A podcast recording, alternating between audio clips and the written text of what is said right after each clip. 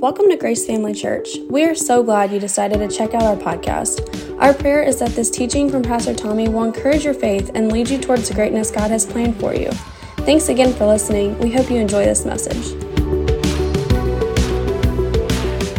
I want to start a new series this morning, and I, I, I titled the series Unashamed, and, and I really want to talk to you about um, uh, uh, how, we, how do we wind up living a life? You know, we just came out of this series, Mission Possible, and really strongly encouraged the fact that we need to be making disciples and bringing people to church and, and sharing our faith with others. And, and you know, um, as I thought about that, you know, I, I really felt like the Lord leading me to a place of sharing some uh, scriptures and some uh, lessons around how we get to the place where we naturally live a life that is unashamed of the gospel. And what I mean by that is a life where we don't feel like we are forcing ourselves to tell others about Jesus, where we're having to swallow hard and do that, where we're living up to some moral obligation because the scripture says we should do that. But it's a natural outflow of what's on the inside of us. It's a joyful outflow. It's something that we just can't even hold back. Because I believe when I look at the scriptures and when I look at the Bible and I see the, the early church and I see what they were doing in sharing the gospel, it was not something someone had to drive them to do. It was something that was an outflow of something on the inside of them. They were telling about Jesus because Jesus was, had made himself real to them in an area. And they were telling about the, the, the, local body of the believers and bringing people into the congregation because they were excited about what was taking place in their midst. There was real answers and real exciting things taking place. And, and, and so as I, as I was praying about, you know, coming out of this mission possible, it was a very strong series about our obligation, what we need to do, right? But I really felt like the Lord wanted me to uh, challenge us to recognize that what we're talking about is not doing something because we have to do it, but doing something because it's an outflow of something that is taking place on the inside of us. And I think we find that key in Romans chapter 1 and verse 16, and we're going to use this verse of Scripture as the foundation for what we share over the next couple of weeks. Romans chapter 1 and verse 16 says, Paul, writing to the church in Rome, said, For I am not ashamed of the gospel of Christ. For it is the power of God to salvation for everyone who believes, for the Jew first, and also for the Greek. Let's pray before we get started. Father, thank you so much for your word. Thank you that you love us, that you care about us, and I just ask that your anointing would rest upon what we do today and that you'd give me the words to speak and say the things that you have planned for us to hear this morning as a body of believers. I humbly submit to you, Holy Spirit, and just ask you to use me. And I thank you that as we listen and as we open our hearts for what you have to say to us, that Father, we would receive open heartedly what you have for us this morning, and we would leave here as a people that are truly unashamed of the relationship we have with Jesus, of the place we call our church home, of, uh, of, of the things that you're doing in our lives. And I give you praise and thanks for that, Lord, in Jesus' name. Amen. Now, I want you to notice three words here in Romans chapter 1 and verse 16. I want to take a look at, actually, it's four words, but one of them is a phrase. Um, it's the word not ashamed, which I named the title of the series, Unashamed, so that could be one word, right? And then you've got power, and then you've got salvation. Uh, as you look at those words in uh, the original text and in the Greek, these words mean something very specific, and I think it leads us into what I believe the Lord wants me to share with you this morning. Number one, the, the phrase not ashamed, it means this it means to feel shame for something that has not or uh, that, that has or has not been done. Shame for an individual not living up to expectations. As you look that up in the original Greek, that's actually what they say that the, the, essence of what that word means. And so, first of all, Paul said, I am not ashamed. He said, I don't feel shame for something not living up to the expectation, for it not performing or doing or not, or, or, or not doing what I expected it to do. And then, number two, he said, you know, uh, he used the word power, and that's a word we've referenced very often in this church. It's often used in conjunction with being filled with the Holy Spirit. But what he said was, he said, uh, he said, I'm not ashamed of the gospel of Christ, for it is the power of God. And that word power is a word that means miracle working Billy. It's the word dunamis. It's the very word that we use and we get our, phrase, our, our word dynamite from. It's explosive, you know, uh, dynamic, circumstance changing power. He said, I'm not ashamed of the gospel because the gospel has this capacity and power to bring about miracles and change things. And then last of all, he said to salvation. What kind of change is he talking about? That word salvation is the Greek word soteria, and it means this deliverance, preservation, safety, salvation, to deliver, to bring health or healing, to save or saving. And so, a lot of times, I think when we hear the word salvation, what we attribute that to is the moment we gave our life to Jesus, and no longer uh, are we worried about going to hell, but, it, but we're going to heaven. How many of you realize that's part of salvation? Right? I mean, thank God that is the, the initial thing we must receive. But that word salvation, I've often said this, and I hope you've learned this if you've been here for a while, uh, is that salvation is an all inclusive word. When it says that, when Paul said, I am not ashamed of the power of God to unto, because it's the power of God to salvation, he was saying that the gospel has within it the miracle working ability to bring about salvation, really, if you look at the essence of that word, in any area that you need. Whatever you're feeling bound by, whatever you're feeling held back by, whatever you're struggling with, the gospel has the power in it to change things. Now, that was not a make believe statement. Paul literally believed that. He believed that I, am not ashamed. The reason he said, he said, the reason I'm not ashamed is because the gospel has power. Basically, what he was saying was, I'm not ashamed to tell you what I believe about Jesus because Jesus always lives up to the hype. he never disappoints. He always does what he said he would do. We see this in 1 Corinthians, Paul actually talking about it in 1 Corinthians chapter 2 verses 1 through 5.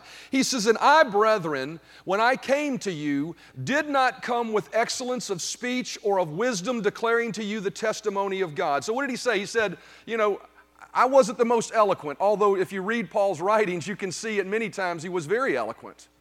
But he said, When I came to you, I didn't come with some flowery message. You know, as a matter of fact, he said, For I determined not to know anything among you except Jesus Christ and Him crucified. What did he do? He just told the story that Jesus died on the cross, He shed His blood, He rose from the dead to save you, and not only save you, but to redeem you, to buy you back from every curse that would rest upon your life. That's, and He just said, That's it. That's the gospel I preached.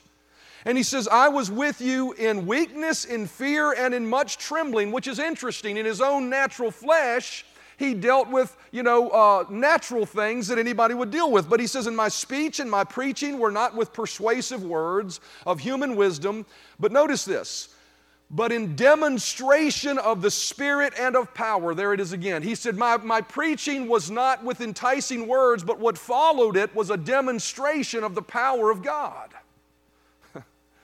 that your faith, notice this, that your faith should not be in the wisdom of men, but in the power of God. Paul said he, his preaching was not persuasive, it wasn't a strong theological argument, but it was backed up with power. Why? So that people, uh, uh, people's faith would stand in the power of God and not the argument of God. That's really critical. What he was really saying was this that your faith, now this is going to challenge you a little bit this morning but that your faith would stand in the experience you had with the gospel. That your faith would stand in the very Word of God and the experience that it produced. He was unashamed because he had the benefit. Here's what he said I'm basically saying this I'm unashamed to declare to you the truth because I have the benefit of that truth being validated by something outside of myself, a supernatural power of God showing up. That's pretty bold, isn't it? He said, I'm going to tell you something about what Jesus said he would do, and then I've got confidence in it, and I'm not ashamed of it because I know he's going to do what he said he would do. That's pretty bold. You know, I've often been, you know, so why, why is that? He said, so that your faith would not stand in my wisdom, but it would stand in the power of God, right? So what was he saying? He was saying, I want you to have an experience with Jesus, God the Father, and the Holy Spirit. How many of you ever had an experience with him before? Amen. And he said he wanted you to, he said the gospel should not just be an argument, it should be a, a, a, sharing of the truth followed by God validating that truth through an actual real experience in your life. That's what he said. You know, it's often been said that uh, uh, there are, there's no argument or there's no theological argument that someone can have against a man who's had an actual experience with God. A person that's actually encountered the power of Jesus. How many of you realize that anybody in the world can come tell me Jesus is not alive and he's not living and he's not well, but that argument ain't going to hold much weight with me. Why? Because I've experienced him. you can't tell me salvation and the forgiveness of sin isn't real. Why? Because I've experienced it. You can't tell me that peace that passes all understanding in the midst of a storm isn't real because I've experienced it. I, don't, I, I can tell you that of a truth. I, I'm not telling you something that's a theory, it's worked in my life.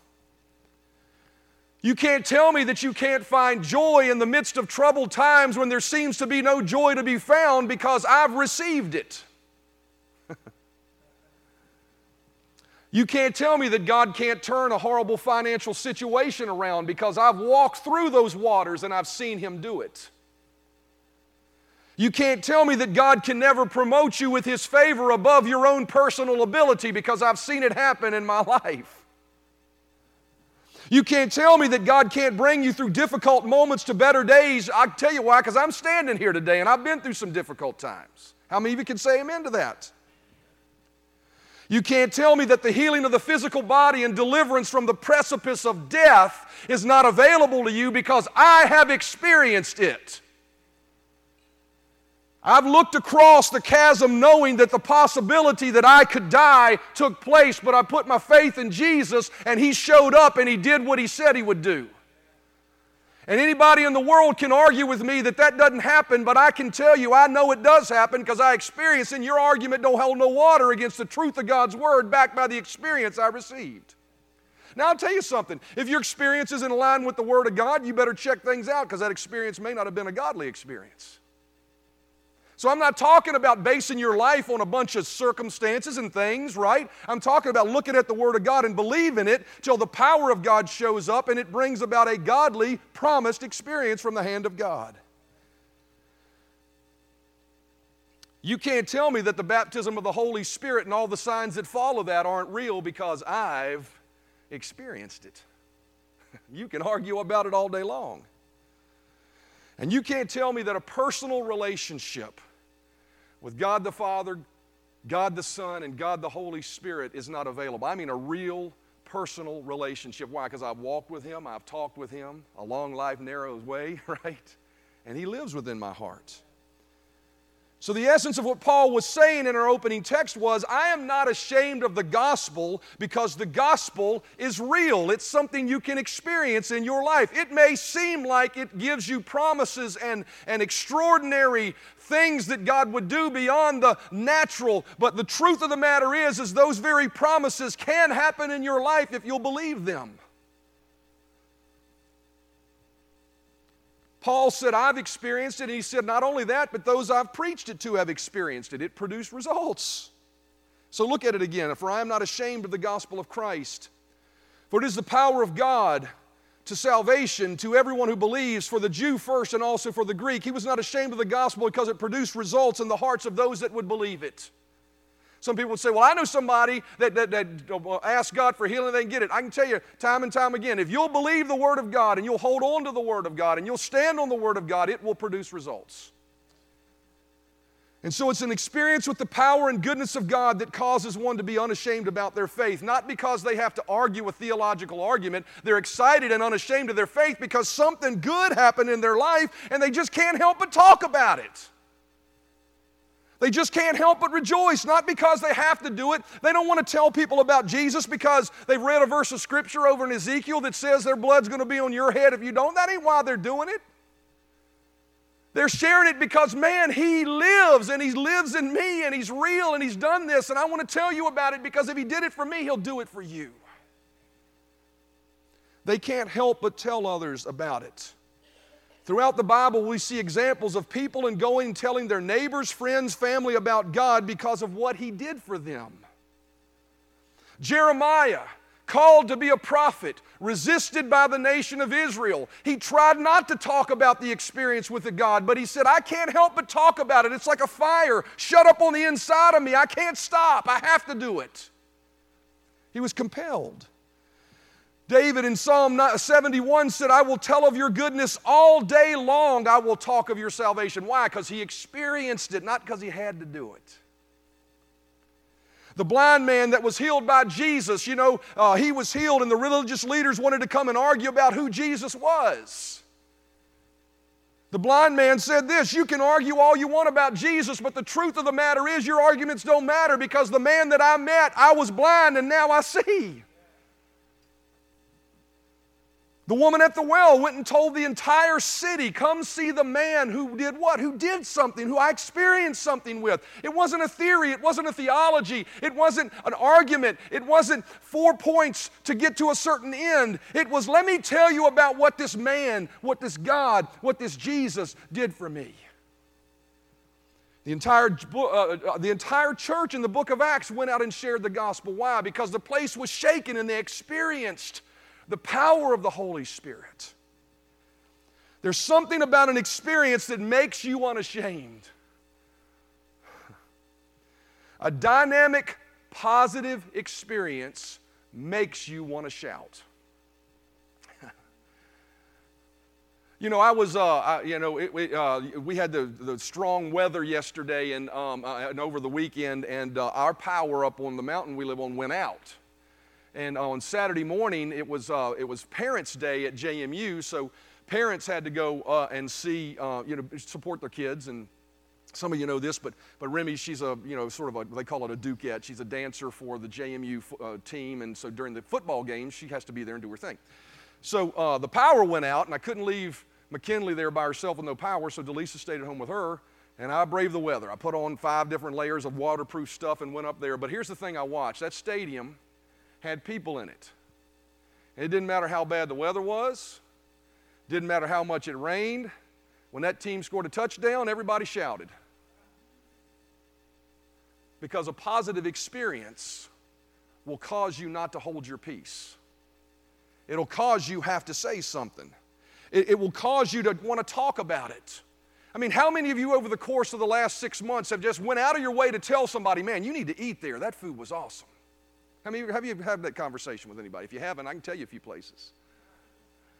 Right? That food was really good. You ought to try it. Why? Because it was a positive experience. Well, my question is have you tasted and seen that the Lord is good? Because if you have and you really tasted it, it'll just be an outflow of what's on the inside of you. I got to tell, I have to tell somebody of what's going on in my life, what Jesus is doing in my life, what's happening at my church. I have to do that. And so, as I thought about that, you know, that a positive experience causes us to want to um, share our faith, it causes us to want to tell the good news in any area of our life. I really thought about, you know, the, the last series we've taught about Mission Possible and us doing our best to go and make a disciple before the end of the year, someone that would really uh, experience what we're experiencing in our life, uh, uh, in our relationship with Jesus. I realized that for us to be excited and on fire like the early church was, we have to have similar experiences in our life. Now, I got to tell you, to say that as a pastor, how many of you realize to stand up and say, God wants to give you an experience? Not just, I don't want to tell you what the truth is. I'm going to tell you what the truth is, and the power of God is going to show up and give you an experience.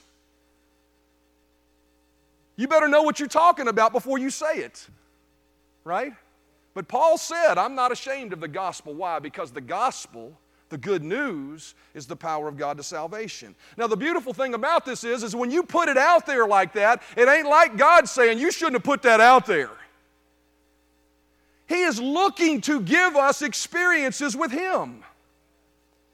Second Chronicles chapter 16 and verse 9 says, For the eyes of the Lord run to and fro throughout the whole earth to show himself strong on behalf of those whose heart is perfect and fully trusting in him. That word perfect doesn't mean you're perfect, it means your heart is 100% saying, Lord, I'm trusting in you, right? And what it says there is God is just looking for people that would say, Lord, I'm trusting you to make your word a reality in my life. I'm trusting you that you'll do what you said you would do. I'm not trying to fabricate it with my own hand. I'm going to do what I can do, but I'm trusting you to do something. Paul said, I'm not ashamed. And so, over the next several weeks, I got to tell you, the Lord challenged me. He said, I want you to unashamedly tell them what I'm going to do for them, and then I'm going to do it for them. You can look at me like a calf at a new gate, and you cannot believe it, and you cannot receive it. But you can believe what the Word says, and I'm telling you, God's going to honor His Word. And you're going to have an experience in your life about the things that we're talking about that will cause you to walk out of here and say, I got to tell somebody about this. Why can I say that? Because I'm not ashamed of the gospel of Christ. Because it is the power of God unto salvation. And you can't tell me he won't do it because I've seen him do it in my life. And I can tell you, if he'll do it for me, I know all the dirty and ugly stuff about me.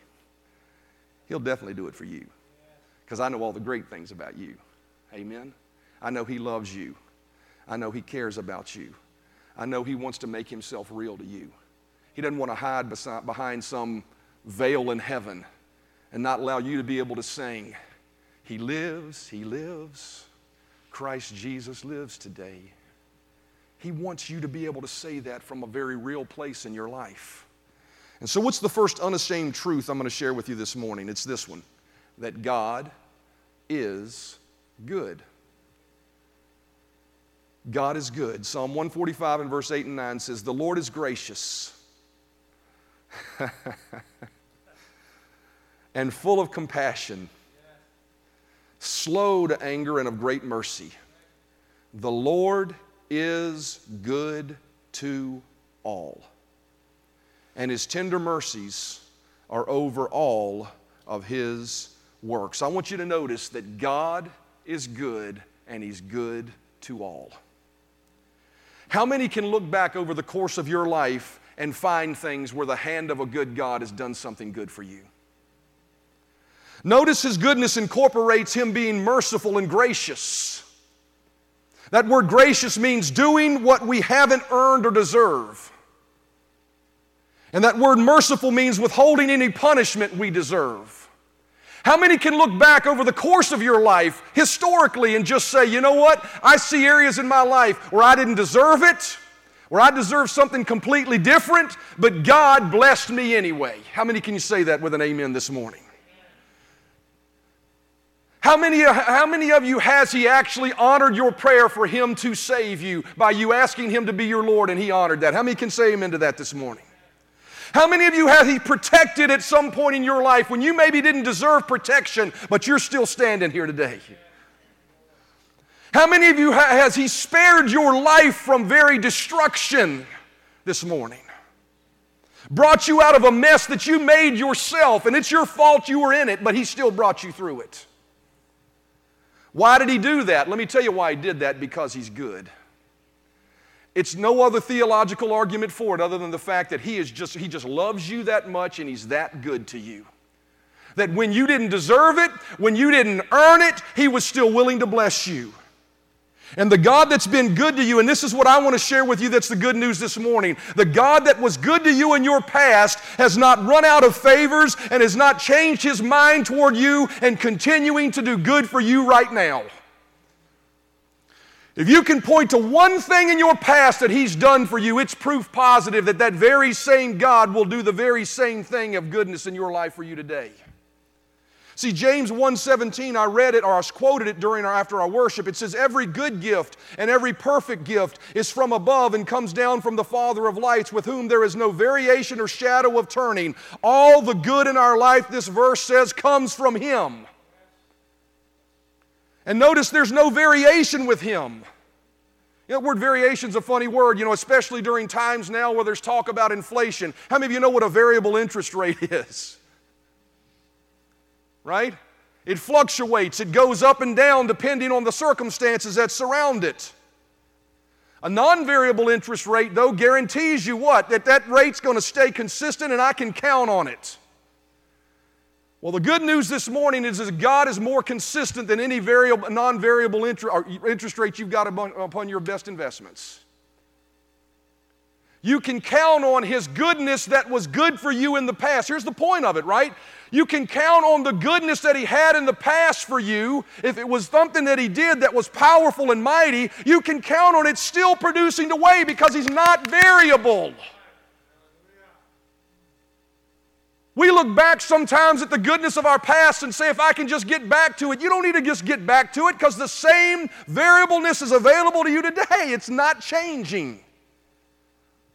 As a matter of fact, the great thing about God is His interest rate or His blessing rate is ever increasing and never diminishes. It's not even a constant.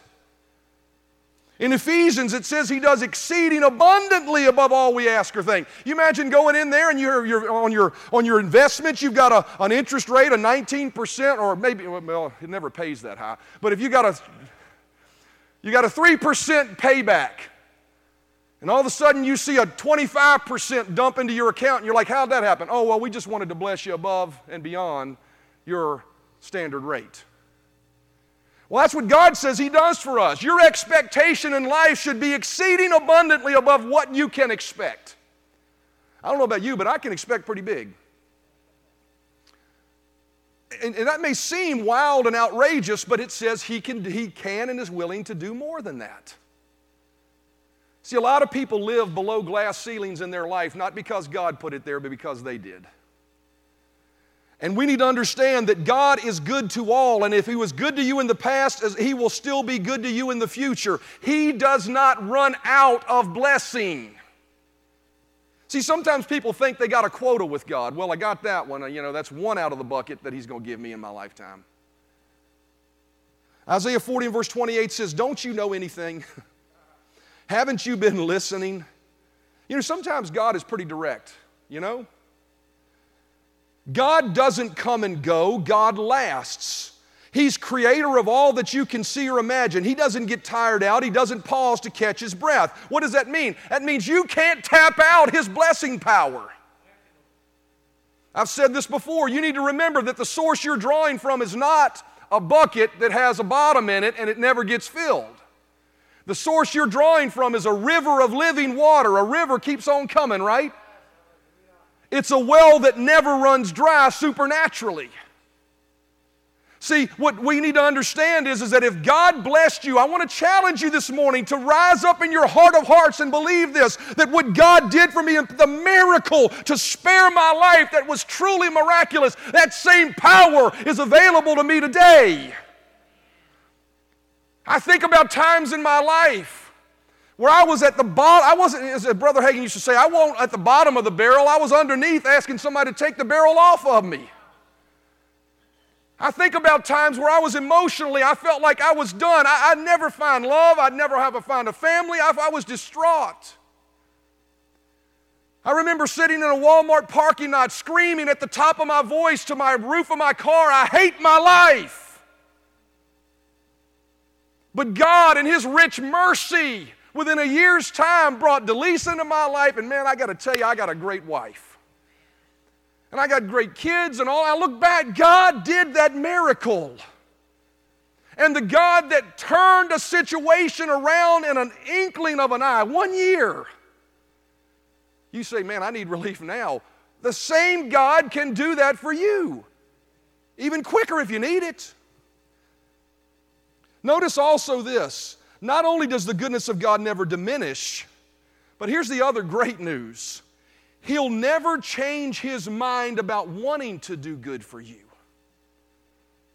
See, where I found many people struggle is that God can be good to someone else, but I don't know about me. That is the biggest challenge for most people's faith is to personalize it and say, He'll do it for me. James 1:17 says every good gift and every perfect gift is from above and it comes down from the father of lights with whom there is no variation or shadow of turning not even a slight faint of turning. That means he's looking at you saying I want to bless you and there's never a moment where he's like eh, I don't know. There's no variables or shadow of turning in his willingness to want to bless you He'll not change his mind in desiring to be good to you. He'll never turn the page on a day in your life and say, Well, you know what? They really didn't measure up today, so I'm not going to be good to them. That is not God. That is not the God we serve. There's no variableness in Him, there's no shadow of turning in Him. Numbers chapter 23 and verse 19, verse through 20 says, God is not a man that he should tell or act or lie, neither the Son of Man that he should feel repentance or compunction for what he has promised. Has he said and shall he not do it? Or has he spoken and shall he not make it good? You see, I have received his command to bless Israel. This is what the, the, the prophet said. He has blessed, and I cannot reverse it or qualify it. Notice what that verse says is, is God's not a man that he would lie. He's not going to tell you that he's going to bless you. He's not going to tell you that his tender mercies and his loving kindness and his goodness is upon all and say, yeah, but in your case for today, I got to exclude you. He's always coming after us. He's always trying to bless us. There's no, notice that word, that word that comes out of the Amplified. There's no compunction for what he's promised. What does that mean? That word compunction means this I wish I hadn't have done that. You ever promise somebody something and after the fact wished you hadn't? I, I know I, hell, I was have been there, right? But I want you to know something. No matter how much you may fall short of the mark, no matter how many times you fail, God promised us that His goodness is over all His works. And because of that promise, there's no compunction in Him that says, you know, I wished I hadn't said that to them. Because of the blood of Jesus, you are right with God and He wants to bless you. And as long as you live on this planet, His desire is to bless you. Which means that the goodness He's done for you in the past, He'll continue to do for you today and in the future. If you'll just believe it. If you'll stand up against the tide of circumstances and doubt and unbelief in your mind and begin to thank God for His past goodness with an assurance that He's going to provide you present and future goodness, He will honor His word. We can have that same expectation for ourselves. David said it this way Psalm 23 So why would I fear the future? Only goodness and mercy pursue me all the days of my life. Now, he was speaking of God. That's in Psalm 23 the Lord is my shepherd. How many of you realize there's a thief out there that wants to steal, to kill, and to destroy? If there are bad things happening in your life, I want to assure you something. It ain't from God to try to teach you something or show you something or to humble you. He's not doing bad things in your life. What he wants to do is bring his glory into your life and set you free from that thing. And that's what David was saying. When the bad things come in my life, I need to recognize this ain't from God. Only goodness, only goodness shall follow me me all the days of my life. If David can have that expectation, you say that was just David. The Bible says that he is no respecter of persons. David was a man who hadn't even been born again yet. He hadn't even, Jesus hadn't even come yet. And he said, Only goodness is going to follow me. How much more, as a child of God, washed in the blood of the Lamb, is God going to be willing to show goodness to you as he did for David? Now, as the musicians come this morning, I want to read to you a larger portion of Scripture. Whenever I send a larger portion of Scripture, it's always work for our sound booth, but thank God they do it. Amen? Because they got to cut it and put it up there. And I'm going to read to you a large portion of Scripture. Psalm 107 is about 30 verses long. Now, I skipped a few just for the sake of time. But you can go read the whole thing and see we're not doing it a disservice. But I want to read to you Psalm 107. And here's the reason I want to read this I want you to see in these words of the psalmist, beyond the things written on the page, and allow the Holy Spirit to show you this is when I did this for you. There may be opportunities as we're reading this that you read a certain phrase and you're like, yeah, I know that. Yeah, he did that. Mm-hmm, that's right. He did that for me. Amen. I want you to see yourself in this scripture as the goodness of God was displayed in your life. And I believe as we begin to thank God for what He has done in our past, it'll spark within us a faith that He's going to continue to do what, what He said He would do in the present and in the future of our lives. Notice Psalm 107, verse 1 says, Oh, give thanks to the Lord for why? Because He is good. His mercy endures forever. That means He's good in spite of ourselves. Let the redeemed of the Lord say so, whom he has redeemed from the hand of the enemy. They wandered in the wilderness in a desolate way. They found no city to dwell in. Hungry and thirsty, their soul fainted in them. Then they cried out to the Lord in their trouble, and He delivered them out of their distresses. How many of you can say the Lord has done that for you before?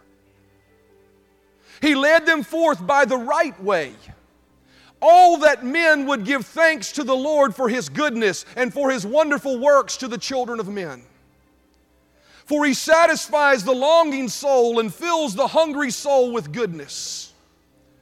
Those who sat in darkness and in the shadow of death, bound in affliction and irons, they cried out to the Lord in their trouble, and He saved them out of their distresses. He brought them out of darkness and the shadow of death and broke their chains in pieces. Oh, that men would give thanks to the Lord for His goodness and for His wonderful works to the children of men. Fools, because of their transgressions and because of their iniquities, were afflicted. We all make mistakes. We all bring problems upon ourselves, is what that verse says. The problem ain't from God, it's because of our mistakes, our shortcomings, our failures. And they drew near to the gates of death. Sometimes we create problems that look like this is it, this is the end. Going, I'm going under, I ain't going over. But then they cried out to the Lord in their trouble, and He saved them out of their distresses. He sent His word and healed them and delivered them from their destructions. Oh, that men would give thanks to the Lord for His goodness and for His wonderful works to the children of men. Let them sacrifice the sacrifices of thanksgiving and declare His works with rejoicing. He calms the storm so that the waves are still. Then they are glad because they are quiet, so He guides them to their desired haven. He brings them to the place they really want. Oh, that men would give thanks to the Lord for His goodness and for His wonderful works for the children of men. Let them exalt him also in the assembly of the people and praise him in the company of the elders. He turns a wilderness into pools of water and dry lands into water springs. There he makes the hungry dwell that they may establish a city for a dwelling. He sows fields and plants vineyards that they may yield a fruitful harvest. He also blesses them and they multiply greatly, and He does not let their cattle decrease. Whoever is wise will observe these things and they will understand the loving kindness of the Lord. See, what that verse shows us is that the God that will do what He did for us in the past that is good will do that again for us in His future. I believe as we choose to remember and thank God for the goodness of our past, whatever it may be, look around your life. What causes you to be grateful and recognize that God did that in my life? I'm gonna brag on Chris. I think about Chris this morning, and you know, Maria's standing out of the lobby, and he looks at. I said, "How you doing?" He says, "I'm, I'm doing great. Look at her." I think about the fact that before Chris met her, he probably had a heart that wanted to be able to say that about somebody. Amen? He's got something to thank God for. Overwhelmingly thank God for. We all have those things that we can thank God about. And I believe as we thank God for the goodness of God in our life now, it will inspire a faith in us that He will do something for us in our future. And it'll turn sadness into happiness, joy away from mourning. It'll bring healing instead of pain. I believe the Lord spoke this to my heart that He's going to do for us this morning what He did for Moses if we'll just praise Him for His goodness. I believe He promised me that if we do this, He's going to give you an experience this morning. Exodus 33 and verse 19 says, Then God said to Moses, Listen to these words because He gave me this verse. All I can do is share it with you. I will make all my goodness pass before you. I will make all my goodness pass before you, and I will proclaim the name of the Lord before you. I will be gracious to whom I will be gracious, and I will have compassion on whom I will have compassion. I believe if we'll do as Moses did and said, I'm not settling for anything less, God, than your goodness, and I'm going to thank you for the goodness of my past, knowing you'll do it for me in my future. I believe the goodness of God is going to pass before you this morning whatever that may mean, and whatever that may need, mean that you need from it to, to, to move your life forward and to move it to the places where He wants to take it to. Amen? So I've asked the worship team to come and prepare a song for us to simply turn our hearts toward God and thank Him for His goodness. And as we thank Him for His goodness, I can boldly say, as Paul said, I am not ashamed of the gospel of Christ, for it is the power of God to bring about salvation in your life. As we've talked about the goodness of God, Jesus will work with that word and confirm it by showing up this morning. Thanks for listening to our Grace Family Church podcast. We really hope you enjoyed this message. If this ministry has blessed you in any way, we would love for you to get connected. Just go to gfcva.info to learn more about who we are, how to give to this ministry, or how you can get involved. Thanks again for listening, and we hope to see you soon.